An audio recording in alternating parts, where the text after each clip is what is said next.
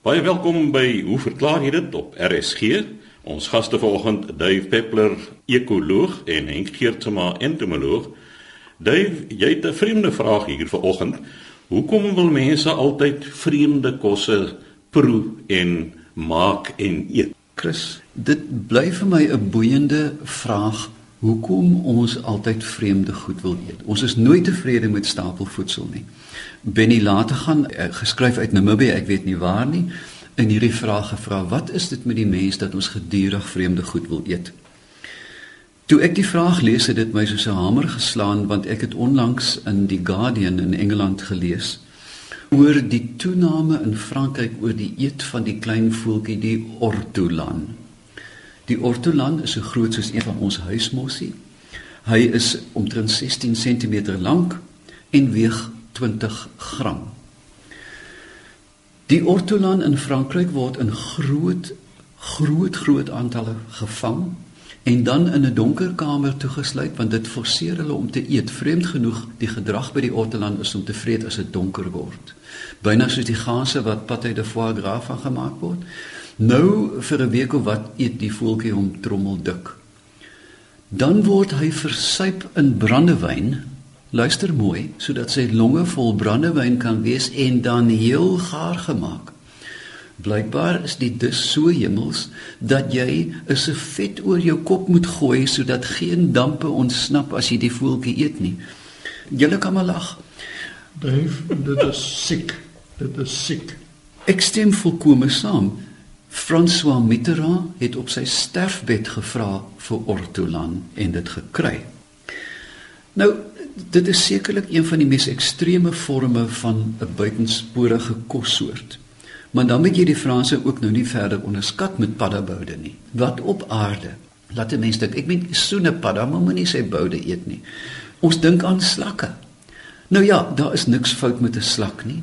Ons dink aan ons wonderlike allekrikkel wat ons eh, teen die kus kry. Dit is vir my self 'n baie lekker ding. Maar om nou 'n tuinslakkie eerste eh, sy spysverteringskanaal skoon te maak met meel en dan hierdie miserabele diertjie te stoom of te kook en dan met sterk knoffelbotter te eet. Jy kan net sowel een van jou hardloopskoene fyn sny, dit sag kook en knoffelbotter daaroor gooi.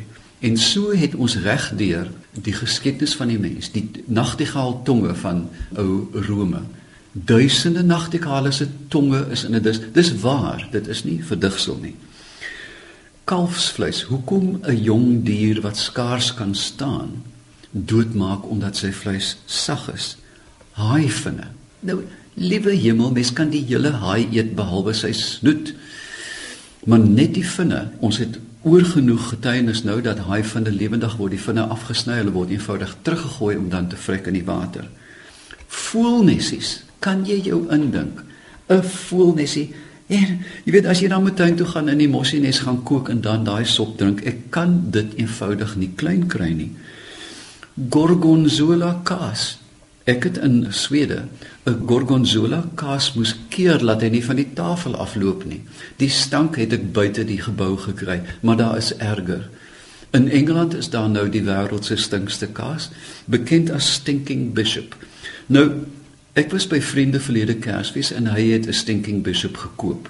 Sy vrou het dit in die buitekamer laat aanhou. Sy het geweier dat die kaas die huis inkom want dit was soos 'n kadawer. Jy het in jou lewe nog nooit so iets geruik nie. Smil, smil, smil.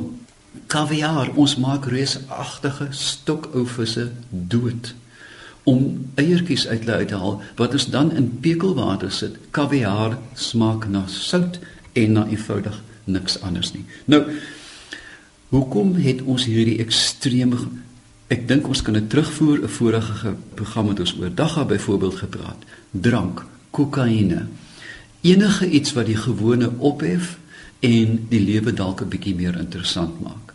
Ons sien dit regdeur. Daar is gedurig nuwe middels aan dit ontwikkel, tik, heroïne, alles om die gewone op te hef.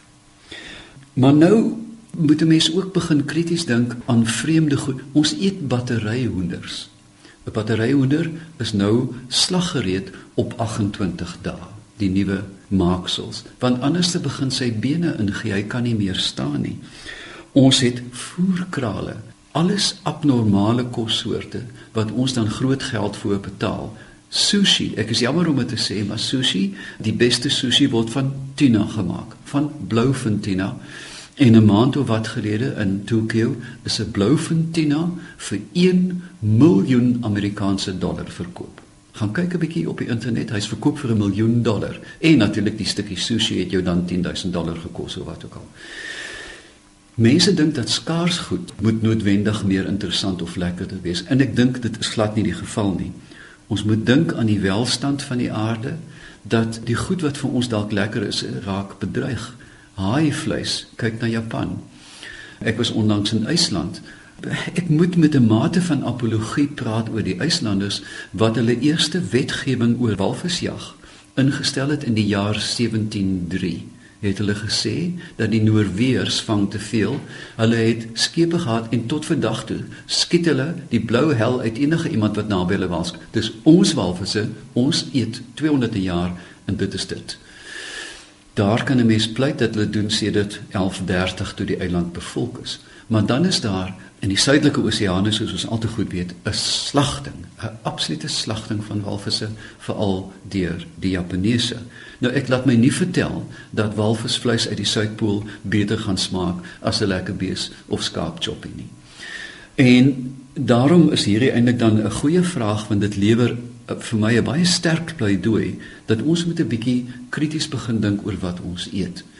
Altwee kyk my vreemd aan toe ek vir julle vanoggend gesê het ek sal 3 maal 'n dag havermoutpap eet want ek is lief vir kwaliteit havermout. As jy dan iets eet, eet 'n goeie tamatie. Eet 'n lekker stuk skaapvleis wat jy weet van om sakkie se plaas afkom. 'n Dier wat met respek behandel is, nie 'n wilde dier wat op die rand van uitsterwing staan nie. Moenie die eiers eet van pikkewyne nie moenie soos baie noordelike nasies die puffin daai absurde voeltjie wat onder sterk bedreiging staan. Hulle is besig om uit te sterf as gevolg van aardverwarming. Wat gebeur is dat hulle prooi is 'n klein palingvisie. Die seetemperatuur om IJsland is nou 1 graad hoër as wat dit 50 jaar gelede was. En die visie het verdwyn. Die voeltjies verdwyn. En ten spyte daarvan eet hulle dit nog. Dis gewoonte en ek dink dit is ook 'n groot mate van snoepisme dink goed, lees jou blikkie. Is hierdie sardien met deernis gevang? Ehm uh, is jou uh, is jou heuning uh, ratelvry ensovoorts. En ek dink dat beskaafde mense maak ingeligte besluite oor wat hulle eet.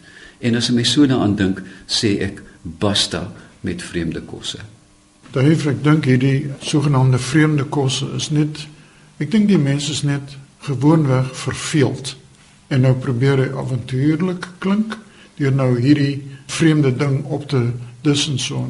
Ek was by geleenthede waar jy kom nou vir 'n skemerkelkie en so aan dan hulle slaai daar. Dan is er nou rou seldery knolle en goeters. Nou ek is baie jammer. Ek val nie in met hierdie sogenaamde jappie eetes nie. En kaviaar en so, ek weet nie wat is wonderlik aan kaviaar nie, soos jy sê, kan net so wel 'n bietjie sout viskuit eet deur dieselfde effek. Slakke, ek raak nie aan 'n slak nie. Want soos jy sê, jy kan net so 'n stukkie rubber vat en met knoffel impregneer. So ek dink die hele ding is dit gaan oor mense soek 'n ander manier van uiting, genot en ete. Pleks dit mense net dankbaar is dat hulle 'n bord kos op hulle tafel het. Nou probeer hulle snaaks wees en ander mense beïndruk. Niemand beïndruk my met hierdie sellery knolle en wat ook al. Gaan kyk maar by die sogenaamde Jappie vars voedselmarkte wat se gemors daar eintlik aangebied word en natuurlik om die kersie by koek te sit. Dit is alles organiese voedsel. Asof die voedsel wat ons eet nie organies is nie. Dit is nog vir my die mees verbasendste en dit word gebruik as 'n advertensie foefie. Gaan nou in die groot superwinkels toe en daar staan organic food Wat anders is voedsel as organies? Ek wil net 'n finale wonderbaarlike uitspraak aanhaal. Dit was van Dr. Conde Villiers, Dr. Connie Villiers. En Dr. Con het vir my dit gesê en vir baie ander mense het gesê, hy wat die oorspronklikheid najag, is kapabel en haal dit nooit in nie. nou ja, dit was dan Dave Peppler, ons ekoloog. En jy het verlede keer 'n hele paar sake rakende spinnekoppe aangeroer en nou het jy nog reaksie oor spinnekoppe. Dis my baie interessant. Ek het nou al twee briewe van Engelssprekende mense gekry wat luister na RSG. En hier het ek 'n brief van mevrou Leonie Klasen en sy sê, "Could you please tell me on your Sunday morning program why is it that a spider's feet don't stick to its web whereas other insects do?" Nou, mevrou Klasen, ons moet ongelukkig hierdie vraag in Afrikaans beantwoord. Maar as dit nog nie duidelik is vir u nie, skryf maar weer. Spinnekoppe. Spinsels by spinnekoppe. Nou die eerste toe ek nou hierdie vraag probeer beantwoord, by my onmiddellik die vraag opgeduik: Hoekom word in Afrikaans die naam spinnekoppe gebruik terwyl in Nederlands is dit spinnen? Ek weet nie waar die kopgedeelte vandaan kom nie. Is dit omdat die kop van die spinnekop is deel van die borskas? Met ander woorde, dit lyk soos 'n groot kop met 'n klein lyfie of wat is dit? Miskien kan 'n taalkundige vir my uitleg gee. Die redakteurs van die WAT luister gewoonlik nou hoe verklaar jy dit? Ek verwag 'n antwoord baie gou. Goed. Nou, sy is natuurlik kenmerkend by spinnekoppe. Sonder sy kan 'n spinnekop eenvoudig nie bestaan nie. Nou, Die sy daar by spinnekoppe ontstaan uit spesiale strukture op die agterlyf. Nou by meeste spinnekoppe is daar 3 sulke strukture op die voor, middel en agterkant van die agterlyf. Sekere spinnekoppe het net 2 groeperings van hierdie sy tepels kan 'n mens amper sê, ander het weer 4. Nou die sy eintlik is 'n proteïenagtige materiaal en dit kom uit die sykliere uit. Nou, soos die suiproteïen deur die tepel uitgeforseer word, word die water onttrek. Met ander woorde, die sy is baie vloeibaar as dit uit die tepeltjie uitkom. En die water word natuurlik teruggeabsorbeer deur die spinnekop. So die spinnekop pas as dit ware droë sydraad uit. Maar hoe droër die sydraad word in die atmosfeer, hoe sterker word die sydraad. En hoe meer rekbaar is die sydraad. En jy weet natuurlik dat op 'n gewigsbasis is spinnekop sy net so sterk soos staaldraad. So dit is nie om te onderskat nie. Dan ook wat mense nie weet nie, spinnekoppe, as mens byvoorbeeld in die veld loop en jy loop ongelukkig deur 'n spinnekop rak en dan hang die webbe in so dan voel mens baie jammer vir die spinnekop. Moenie te jammer voel nie. Die spinnekop voed eintlik op die ou sydrade neem dit weer in want dit is 'n proteïenagtige stof en binne 30 minute kan hulle weer daai weer hersirkuleer om weer 'n web te bou. Nou die spinnekoppe het eintlik 6 verskillende tipe sy wat hulle spin. Met ander woorde, mense dan die sogenaamde tepels, ons praat van 'n spinneret. 'n spinneret bestaan uit 'n plaatjie met verskillende poree daarin. En elke porie is die opening van 'n spesifieke syklier. So daar's ses soorte sy wat 'n spinnekop kan afskei. Nou, die eerste draad wat uitgepars word as dit ware, is wat ons in Engels praat van 'n drag line. Nou ek het baie lank gesoek om uit te vind wat is 'n drag line eintlik in Afrikaans? En die naaste wat ek kan kom is 'n trek tou. Met ander woorde, Die sterkste draad wat uitkom is dan die trektou wat die spinnekop gebruik om byvoorbeeld die nes te begin posisioneer. Sou voor die spinnekop uit 'n boom gewaai word deur die wind of versteur word, dan sal jy almal opmerk hulle hang onmiddellik aan 'n draad. Dit is dan die sogenaamde trektou of dragline. Nou die spinnekoppe beweeg natuurlik baie keer met behulp van die wind. Wat mense nie besef nie, is dit baie jong spinnekoppies word versprei deur sydrade te spin. Die sydrade word dan deur die wind opgetel en op dié manier word spinnekoppies vervoer. Inderwaarheid, ek het jare gelede verwys na 'n program van lugplankton waar plantluise, spinnekoppies en ander klein insekte tot op 24 km hoogte in die atmosfeer voorkom en dit word met nette gevang En in daai nette is ook al spinnekoppies gekry. Dit verklaar natuurlik ook hoekom baie van ons plantluise wat ons het in die suidelike halfrond, uiteindelik oorsprong uit die noordelike halfrond. Dis deur wind vervoer. Om terug te kom na die spinnekoppies. Nou die belangrikste draad of sydraad is dan die trektou of die spandraad. Nou begin die spinnekop sy kenmerkende web spin. Nou die drade wat die spinnekop gebruik is vrylik toeganklik vir die spinnekop. Dit loop daarop en dit skep dan dit weef dan hierdie tipiese mooi patrone wat mens kry veral in die oggend as dan bietjie doudruppels op hang kan 'n mens dit sien.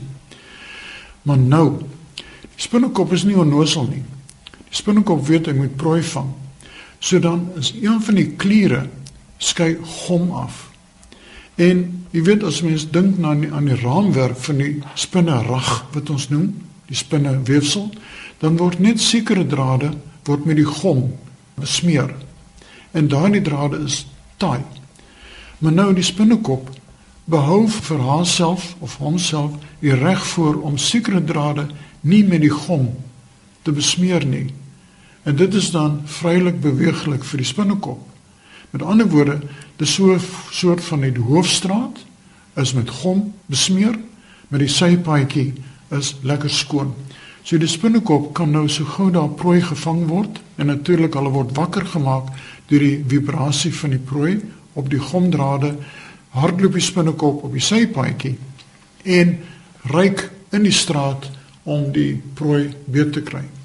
Nou, nou word die prooi getakel en as jy mooi kyk, sal jy sien die spinnekop vat die prooi en met die agterpote veral kan jy sien hoe die sy om die prooi gewikkel word. Dit is weer 'n ander soort sy wat afgeskei word. Nou hierdie sy is baie taai, maar dit droog baie vinnig en dit dien eintlik nie net om die prooi te immobiliseer nie, met ander woorde sodat die prooi nie kan terugbeklei nie, maar ook om die prooi te verseël as dit ware. Want baie kere word die prooi nie dadelik opgevoed nie. So dit word gebeere. Dan ander tipe sy wat ook geproduseer word is die van die eierpakkies bedek. Nou jy weet almal dat baie spinnekoppe dra hulle eierpakkie rond. As 'n mens kyk net na die wolfspinnekop wat op grasperke volledig voorkom. Dis besig om die gras te versteur.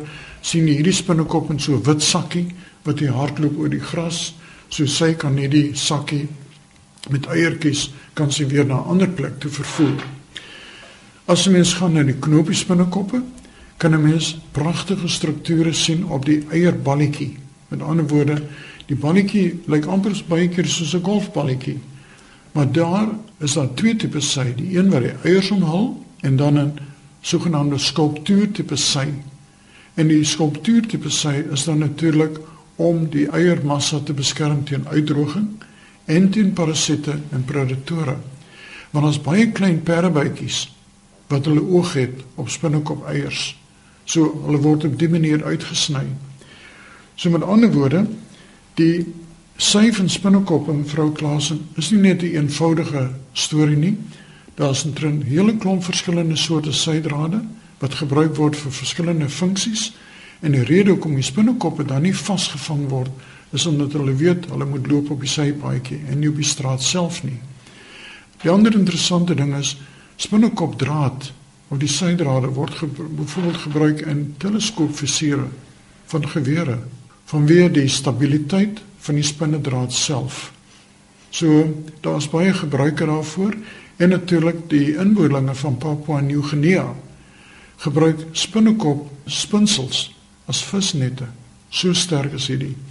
Tuurlik weer eens sy ook onder water is nie beperk tot spinnekoppe nie. Daar's baie insekte wat gebruik maar vir sy. Ek praat nie eers van die suiwerms nie, maar byvoorbeeld selfs meerleeu's en so aan.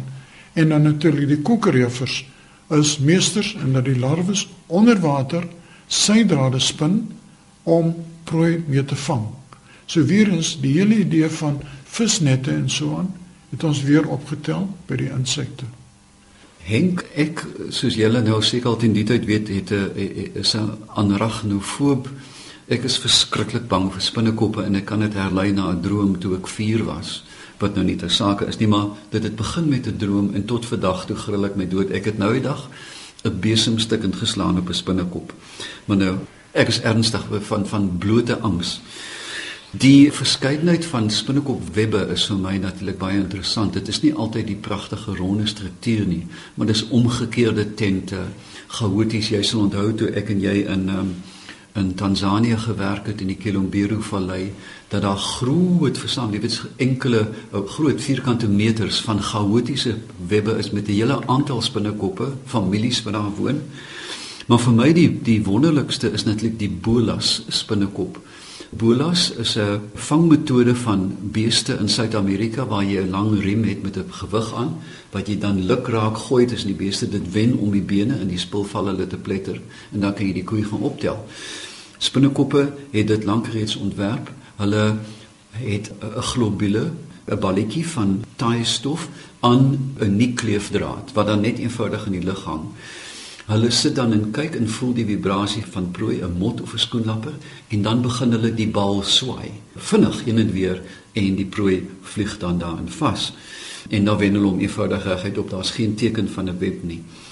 As dit dan kom by die sterkte van of die tenstiele sterkte van hierdie webbe, is dit absoluut verstommend. Jy het gepraat van staal. Daar is mense wat sê dat van hierdie veral van die golden orb, die goue webspinnekoppe wat ons in Natal kry, dat dit wel sterker as titaan is. En as jy nou wil sien 'n absurde ding, gaan kyk na die webwerf van DuPont in Amerika wat kunsvesel vervaardig en hulle uh, kyk intens na die samestelling. Hulle kan dit eenvoudig nie sintetiseer nie. Dit is so komplekse molekule. Maar wat hulle nou het is van ons arme spinnekoppe uit Natal op 'n tafel met kleeflint vasgeplak agtersteewe in die lug en dan 'n katrol wat hulle dan by die spinnerette dit op die, hulle kan 300 meter per slag uit die spinnekop wen en as die spinnekop opdroog sit hulle 'n vlieg of 'n mot in die madam lê daar en suig aan die mot en maak weer na wen hulle verder. Net om genoeg van die materiaal te kry om daarmee te kan werk. Die idee is natuurlik legio uh, veral in die mediese wetenskap waar jy hierdie onsaglik stabiele fyn drade in chirurgie kan gebruik in oogsnykunde en hartomlynings en dan vir vreemde goed soos koelvaste baadjies uh, dit, dit is so sterk dat dit 'n koel kan stop as dit geweef word So weer eens bio-ingenieurswese stel intens belang in spinnekoppe, nie net bloot in die web se vorms as 'n uh, vangmetodes nie, maar ook in die materiaal wat hulle desperaat probeer. En mense sou dink met gaskromatografie en al hierdie wonderlike hulpmiddels dat hulle kan sê, hulle weet waaruit dit bestaan, die elemente, dit kan enigiemand uitvind, maar hulle kan dit nie bymekaar sit nie, want as jy dit kan doen, gaan iemand ontsaglik ryk word. Ja, natuurlik, uh, ek het vergeet om te sê dat baie van die spinnekoppe op hulle pote fyn kammetjies. En die kammetjies word eintlik gebruik om die sydraad wat uitkom nog fyner te verdeel in 'n soort van 'n platterige soort gordyn tipe vesel. En dit is watte. Ja, om die vangoppervlakte van die draad te vergroot. Maar natuurlik as ons kyk na 'n spinnekop rag, wat vir my interessant is, is die patrone by verskillende spesies van spinnekoppe wissel baie kere. En as jy sien die absolute simmetrie, dan is dit een van die wonderwerke van die natuur wat hier sou weer vir ons is om om te waardeer. Dink ek het um, onthou van die heel eerste ruimteprogramme het hulle spinnekoppe ruimte toe geneem wat almal het gedink dat die die vorm van die spinnerak het met swaartekrag te doen en selfs sonder enige swaartekrag in gewigloosheid spin hierdie spinnekop 'n perfekte web. Hulle sukkel netlik om die om die spandrade daar te kry, maar as jy dit eers het, dan spin hulle in die ruimte 'n perfekte web. En dit wil gedoen word, hoor. So, ek dink boonbehalwe die feit dat spinnekoppe interessant is en grillerig is, is hulle ook absoluut wonderbaarlik. Hierdie absolute arachnofobie wat baie mense het vir spinnekop en natuurlik 'n skorpioen in die word in dieselfde groep geklassifiseer maar mense is ewe grillerig vir 'n skorpioen as vir 'n spinnekop. Ek kan nie verstaan hoekom nie, want 'n spinnekop tensy jy lyk soos 'n brommer. Kan jy probleme hê? Anderste geen. Henk, jy's op dun ys. Ek was onlangs in Uganda met uh, toergroepe gaan kyk na sjimpansees en gorillas en by beide hierdie vorms van die oomblik van geboorte af skree 'n kleintjie hom oor hoeks vir 'n spinnekop. Ons is wat die Engelse noem hardwired. Hierdie is een van ons genetiese predisposisies om hierdie goed te vermy. Want as jy 'n kind is en hieso is 'n knopies binnekom en jy sê kuchi kuchi kuchi, dan is dit die einde van die kind. En ek dink ons het met ons ontwikkeling as mense het ons hierdie oorlewingsvoordeel gekry deur dit eenvoudig in ons gene te hê om vir sekere dinge bang te wees. Bang vir die donker. Ons is bang vir die donker. Ons is onseker in die donker, so kom ons lig oral het. Die spinnekop en die slang. Troebel water. Jy kan 'n jong kind toets aan water, helder en troebel water. As jy 'n ding nie kan sien nie, 'n ding wat jou in die donker kan bespring, vermy jy eenvoudig. Nou ja, dit was dan Henk Geertsma, ons entomoloog en Dave Peppler, ekoloog wat so gesels het. En Dave, ek wil net vir jou sê, ek is nie bang vir spinnekoppe nie, maar moenie 'n muis na hy my bring nie. Maar u is welkom om aan ons te skryf, rig vir ons vrae aan hoe verklaar jy dit? Posbus 2551 Kaapstad 8000 of stuur 'n e-pos aan chris@rsg.co.za